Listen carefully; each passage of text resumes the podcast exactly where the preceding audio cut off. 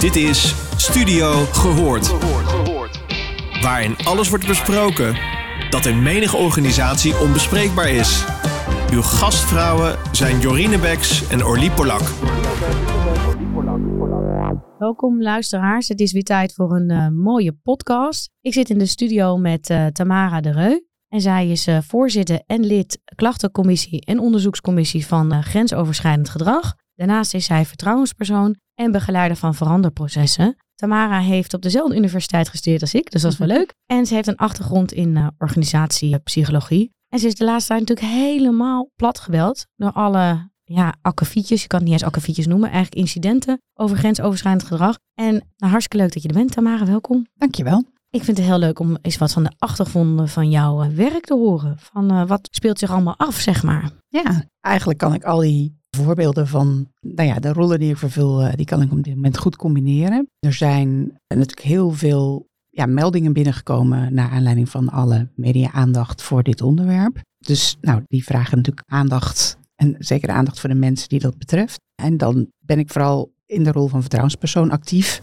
Op, bij organisaties waar ik die rol heb gekregen, zeg maar als externe vertrouwenspersoon, maar ook gekoppeld aan Moors Online. Het meldpunt voor de culturele sector als het gaat om ja, grensoverschrijdend gedrag. En daarnaast ben ik toch ook veel onderzoek aan het doen. Naar aanleiding van klachten of signalen waar organisaties zeggen van nou er is hier iets aan de hand. Ja, we willen graag weten wat er nou precies speelt, zodat we ook weten hoe we moeten handelen. En wat er op dit moment, dat vind ik eigenlijk het meest positieve aan deze beweging, als je het zo mag noemen, dat organisaties eigenlijk zeggen, we weten niet zo goed of we het zelf goed geregeld hebben, of de veiligheid bij ons wel goed geborgd is. En als er iets aan de hand is, dat mensen dan weten waar ze terecht moeten. Dus ik ben veel ook in gesprek met directeuren, met leidinggevenden, in dialoogsessies over wat is onze rol, wat heb ik nodig om die op een goede manier in te vullen. En die gesprekken zijn heel belangrijk en waardevol, omdat het ook bewustzijn vergroot en ja, mensen toch wat meer handvatten geeft van wat moet ik nou doen als er iets aan de hand is en hoe kan ik ook bijdragen aan het voorkomen daarvan. Ik kan me ook heel goed voorstellen dat dit een trigger was voor andere organisaties om ook te gaan melden. Dus dat je zegt van, joh,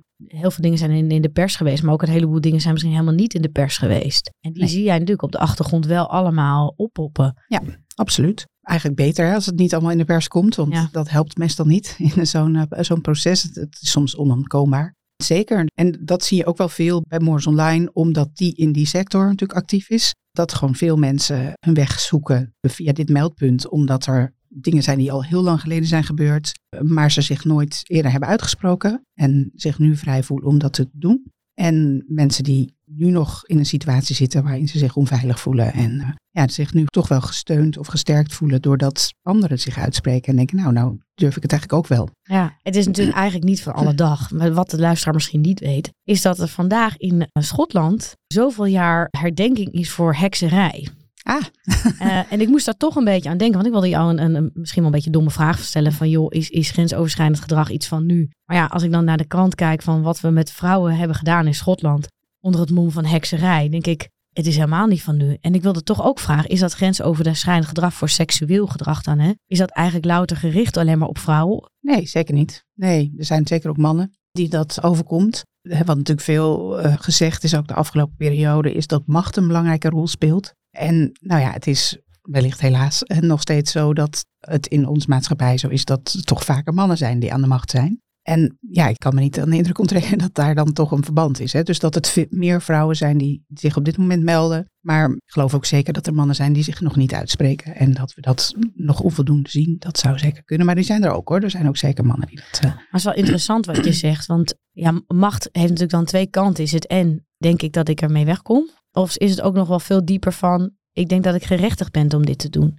Nou ja, wat er in, niet in alle gevallen, maar wat er natuurlijk ook wel vaak gebeurt, is dat er eigenlijk geen tegenspraak meer is. Als mensen op een positie komen waarin ze een belangrijke rol spelen, waar mensen het steeds lastiger beginnen te vinden om iemand aan te spreken of tegen te spreken. Ik kan me toch ook vanuit mijn psychologische achtergrond niet anders voorstellen dan dat dat niet zo goed voor je is. Dat het goed voor je is als je tussendoor hoort van hé, hey, wat je nu doet, dat klopt eigenlijk niet. En als dat steeds niet gebeurt, ja, dan, dan weet je het misschien op nu ook zelf niet meer. Dus dan heb je misschien het idee dat je dat mag doen. Dat zou kunnen. Ja, ik denk dat dat iets is wat meespeelt. En zie je dat ook in jouw casussen terugkomen? Want ik neem aan dat je met zowel slachtoffers als daders praat. Ja, zeker ook in de onderzoeksfeer. Hè. Dus, dus daar heb ik natuurlijk altijd te maken met beide partijen en de omgeving. Dus de mensen uit, de, uit hun eh, werkomgeving. En daar zie je dat dan wel. Dat, dat ook gezegd wordt van ja, weet je, niemand zegt iets. Dus ik doe dat ook niet. En dat als, nou laten we er even vanuit gaan dat het om een man gaat die Ja. in, een, in een machtspositie eh, zich bevindt. Dat hij zegt, ja, ik was me daar niet van bewust. Weet ik niet of dat helemaal waar is, maar voor een deel denk ik echt dat ze denken, nou, dat is, nou, dat is helemaal niet zo ernstig. En ze geen beeld hebben bij wat het effect is of wat de schade is die mensen oplopen door dit soort, ja, soort interactie noem, zeg maar. Want ja, ik spreek gewoon veel mensen die echt beschadigd zijn. Zijn we tien jaar verder en dan heeft ze dat nog steeds, speelt zo'n gebeurtenis of zo'n ervaring een hele grote rol in hun leven. En waarom zijn ze beschadigd? Wat beschadigt hun? Nou, in de eerste plaats de manier waarop met ze is omgegaan door iemand waar ze niet tegenin durft te gaan, zeg maar. Dus dat kan en op seksueel vlak zijn, maar daar is natuurlijk nu veel aandacht voor. Maar er zijn andere vormen van grensoverschrijdend gedrag die geen seksuele component hebben, maar ook net zo schadelijk kunnen zijn. Dat mensen heel lang klein gehouden worden. Dat hun zelfvertrouwen zo geraakt is dat ze daar eigenlijk in hun later leven nog steeds eh, last van hebben. Maar dat komt ook wel door hoe we met z'n allen reageren op dit soort ervaringen. Dus als mensen zoiets meemaken en zich daar voorzichtig over uitproberen te spreken, ja, dan zijn de reacties van de toehoorder, om het even zo te noemen, niet altijd helpend. Ja, die zijn vaak ook ongemakkelijk of weten niet wat ze moeten doen. Dus mensen voelen zich vaak niet gehoord. Dus zeggen dan bijvoorbeeld ook in zo'n gesprek, als vertrouwenspersoon, maar ook als onderzoeker. Ja, ik dacht, ja, het zal wel aan mij liggen. Het is misschien wel niet zo ernstig. En heb ik nou zo'n zeikert, sorry voor het woord, dat ik daar zo'n last van heb. En dat heeft vaak heel veel impact op mensen als ze met dat beeld verder moeten, met toch hun gekwetstheid, als ik het zo mag noemen. En voor die toehoorder, voelt die zich wel gemakkelijk? Weet hij altijd wel wat hij moet doen met zo'n verhaal? Ik denk heel vaak niet. Nee, heel vaak niet. Mensen vinden het ingewikkeld. We, we- kennen natuurlijk een beetje de standaard reacties van ja, maar hè, dan had je toch gewoon nee moeten zeggen of je had toch niet mee moeten gaan. Hè. Dat zijn een beetje de standaard dingen die we wel kennen, maar dat kan ook in subtielere vorm zijn. En dan, ja, ik heb altijd het idee dat het toch vaak uit onmacht of onwetendheid is dat mensen ja, maar wat zeggen.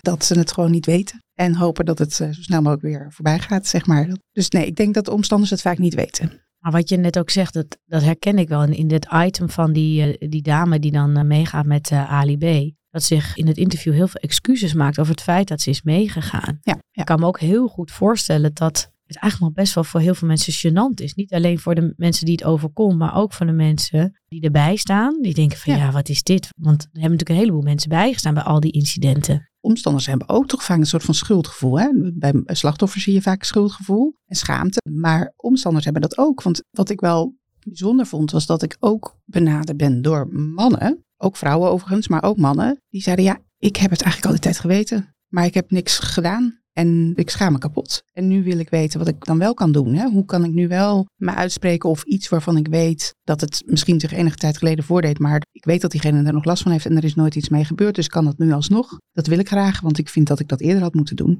Ja, mensen vinden dat moeilijk en weten dan gewoon niet zo goed waar moet ik heen. Maar ook wat de consequenties voor mij. Want iemand zit natuurlijk vaak in diezelfde werkcontext waar diezelfde persoon de macht heeft. En als je nou ja, dan degene bent die zich uitspreekt, kan dat zomaar voor jou ook negatieve consequenties hebben. Dus is het soms makkelijker om maar niks te zeggen. Ja, ik hoorde dat ook terugkomen. Ik heb twee dames van eh, ACT, de Belangenvereniging voor eh, Acteurs, geïnterviewd. En die zeiden ook van eh, ja, dat mensen heel erg bezig zijn met de creatie van het product.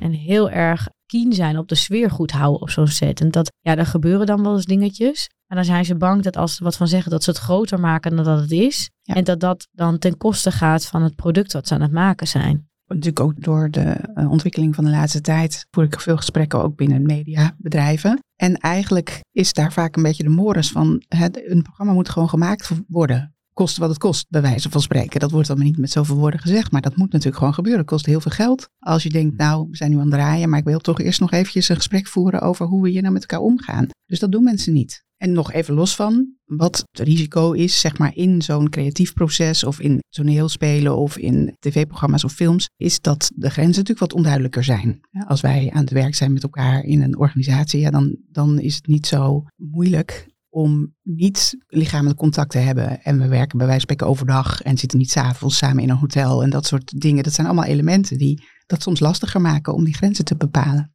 Dus dat speelt denk ik ook wel mee in die werkomgeving, om het zo te noemen. Ja, en wat je net zegt, dat triggert mij aan iets anders te denken. Het is ook heel vaak onuitgesproken. Ik was laatst weer een workshop geven in de bouw.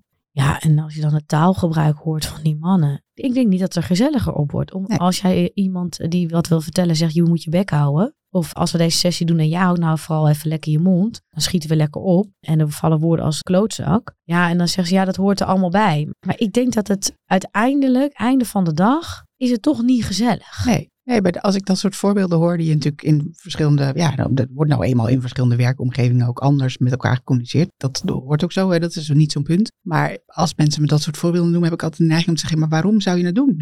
waarom zou je dat soort dingen tegen elkaar zeggen? Het draagt niks bij. Maar goed, ja, dat is dan toch een soort iets wat ontstaan is en waarvan mensen denken dat het erbij hoort. Zo gaan we hier met elkaar om. Volgens mij kan je daar wel eens over nadenken of dat nou het meest gezellig is of het meest effectief ook. En ik heb hier een tijdje terug, eigenlijk helemaal voordat alles in de, in de media kwam, Ali Kuiper uh, in de studio gehad. En zij pleit voor een arbeidshygiënische strategie. Nou, dat is eigenlijk dat je kijkt naar uh, seksueel grensoverschrijdend gedrag als een risico. En dat je dat risico gaat beheersen volgens een bepaalde standaard. En die standaard zegt, ja, we moeten eerst de bron aanpakken en dan uiteindelijk moet je jezelf beschermen. En wat uh, Ali Kuiper vertelde is dat ja, er bepaalde situaties zijn waar het veel vaker voorkomt. Nou, bijvoorbeeld wat je zelf al vertelde, we gaan in een hotel zitten, we werken s'avonds, we hebben flexibele contracten, we hebben misschien een familiebedrijf met losse omgangsvormen. Nou, ik zag het bijvoorbeeld heel veel terugkomen in teams die geen leiders meer hebben. Ja. zelfsturende teams zag ik het veel. Dus in ploegendiensten. Ik zag het veel in organisaties die aan het reorganiseren zijn, waarbij de mensen ontslagen moeten worden. Ik denk zelf dat een bronaanpak heel lastig is.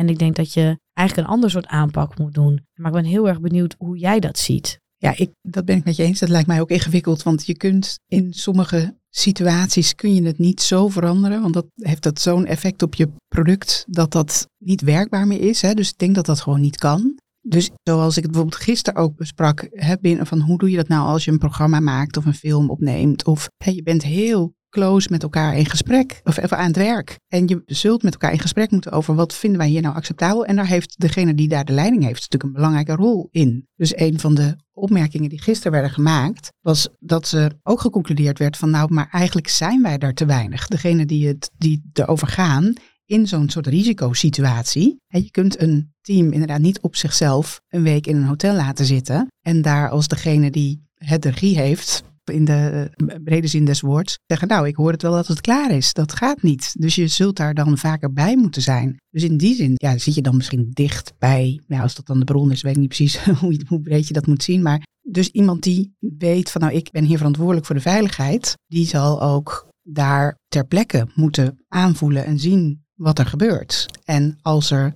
tussen mensen iets aan het ontstaan is waarvan je denkt, hé, hey, daar zit, zie ik een risico, dan moet je het daarover hebben met elkaar. En dan moet je daar iemand op aanspreken van, nou, dit wil ik zo niet hebben. Zo doen we dat hier niet. Dus ik denk dat dat het, risico in teams zonder leider, zeg maar, dat, dat, daar kan ik me iets bij voorstellen. En ik vond dat gisteren eigenlijk dat ik dacht, hé, hey, de mensen die dus dat soort rollen vervullen, zeiden van, nou, eigenlijk zie ik mezelf daar die en die rol in spelen. Dacht ik, nou, dat vond ik ook wel hoopvol. Want ik dacht, ja, je kunt niet dat hele werkproces veranderen. Dat gaat niet. In ieder geval niet in dat voorbeeld. Maar er zullen meer voorbeelden van zijn. Ja, als mensen in ploegendiensten werken, ja, hoe ga je dat anders organiseren? Dat zal toch moeten. Dat het een 24 uur bedrijf is. Je kunt niet zeggen, daar zit er veel risico in. Dus dat gaan we niet meer doen. Dat doen we alleen maar van 9 tot 5 of iets dergelijks. Omdat dat veiliger is. Dus dat vind ik lastig. Uh, maar ik denk dat er ook andere vormen zijn om dan in ieder geval dicht bij de bron te zijn. En het risico uh, in ieder geval zo minimaal mogelijk te maken. Je zult het niet helemaal kunnen uitsluiten dat er een keer iets misgaat. Je noemde net best wel mooie maatregel. Dus dat kennelijk moet er een rol zijn van iemand die stuurt op gewenst gedrag. Ja, en dat kan per situatie verschillen. Hè? Je ziet nu natuurlijk veel in de acteurwereld waar acteurs samenwerken, is dat er dan bijvoorbeeld intimiteitscoaches zijn of iets. Dat is natuurlijk een prachtige rol die heel specifiek voor team scènes heel zinvol is en die ook heel erg gewaardeerd wordt, hoor ik mensen zeggen in een andere vorm van samenwerking past misschien een andere vorm. Maar er moet wel iemand zijn. Nou, of als er bijvoorbeeld kandidaten begeleid moeten worden in een programma. Of ja, dat heeft ook weer een andere vorm dan wanneer je gewoon vaste medewerkers met elkaar laat samenwerken. Maar zoeken naar welke vorm past, denk ik dat heel belangrijk is. En er moet inderdaad iemand zijn waar je je makkelijk richting kunt uitspreken. Ook in een vroeg stadium, voordat dingen al escaleren of je al de emoties zijn opgestapeld en je eigenlijk niet meer zo goed weet wat je ermee aan moet denk dat dat een belangrijke rol is. En dat is niet, kan nog wel eens de vergissing zijn van ja, dat moet dan allemaal door de vertrouwenspersoon gebeuren. Dat denk ik niet. Het moet iemand in het proces zijn. En als ze er dan niet uitkomen, heeft de vertrouwenspersoon een belangrijke rol. Maar in het werkproces moet daar wel ruimte voor zijn. Ja, ja want de vertrouwenspersoon is heel erg reactief. Hè? Dan, dan ben je eigenlijk al te laat, want dan is er al wat gebeurd. Als ik jou beluister, dan zeg je ja, als we die rol bedelen ergens in de lijn, in welke omgeving je dan ook werkt, dan neemt iemand in ieder geval de verantwoordelijkheid voor gewenste omgangsvormen. Ja, en heeft dan ook de taak om het voorbeeld te geven van zo gaan we daar hiermee om. Dus als er iets aan de hand is, dan hebben we het daarover.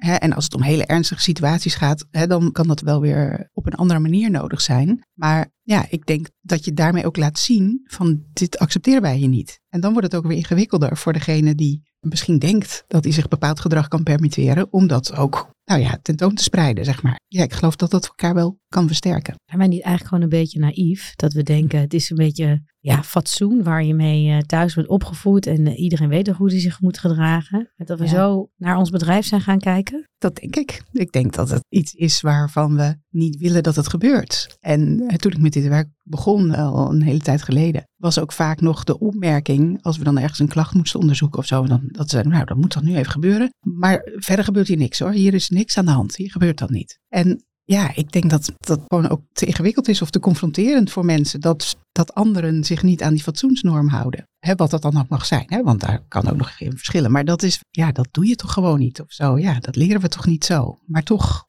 ontwikkelt het zich, dit soort gedrag. Dus ja, dat is misschien naïef om te denken dat, dat we daarop mogen vertrouwen. Dat mensen zich gewoon fatsoenlijk gedragen. Volgens mij weten we dat het niet altijd zo is. Vaak ook wel gelukkig. En dan moeten we wel, ja, de risico's die dat met zich meebrengt, die moeten we natuurlijk zo klein mogelijk maken en daar ja, op een goede manier bij omgaan.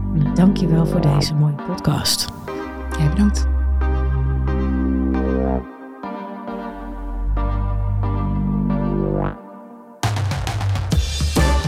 Je luisterde naar Studio Gehoord. Vond je dit een leuke podcast? Laat dan een review achter bij jouw favoriete podcastplatform.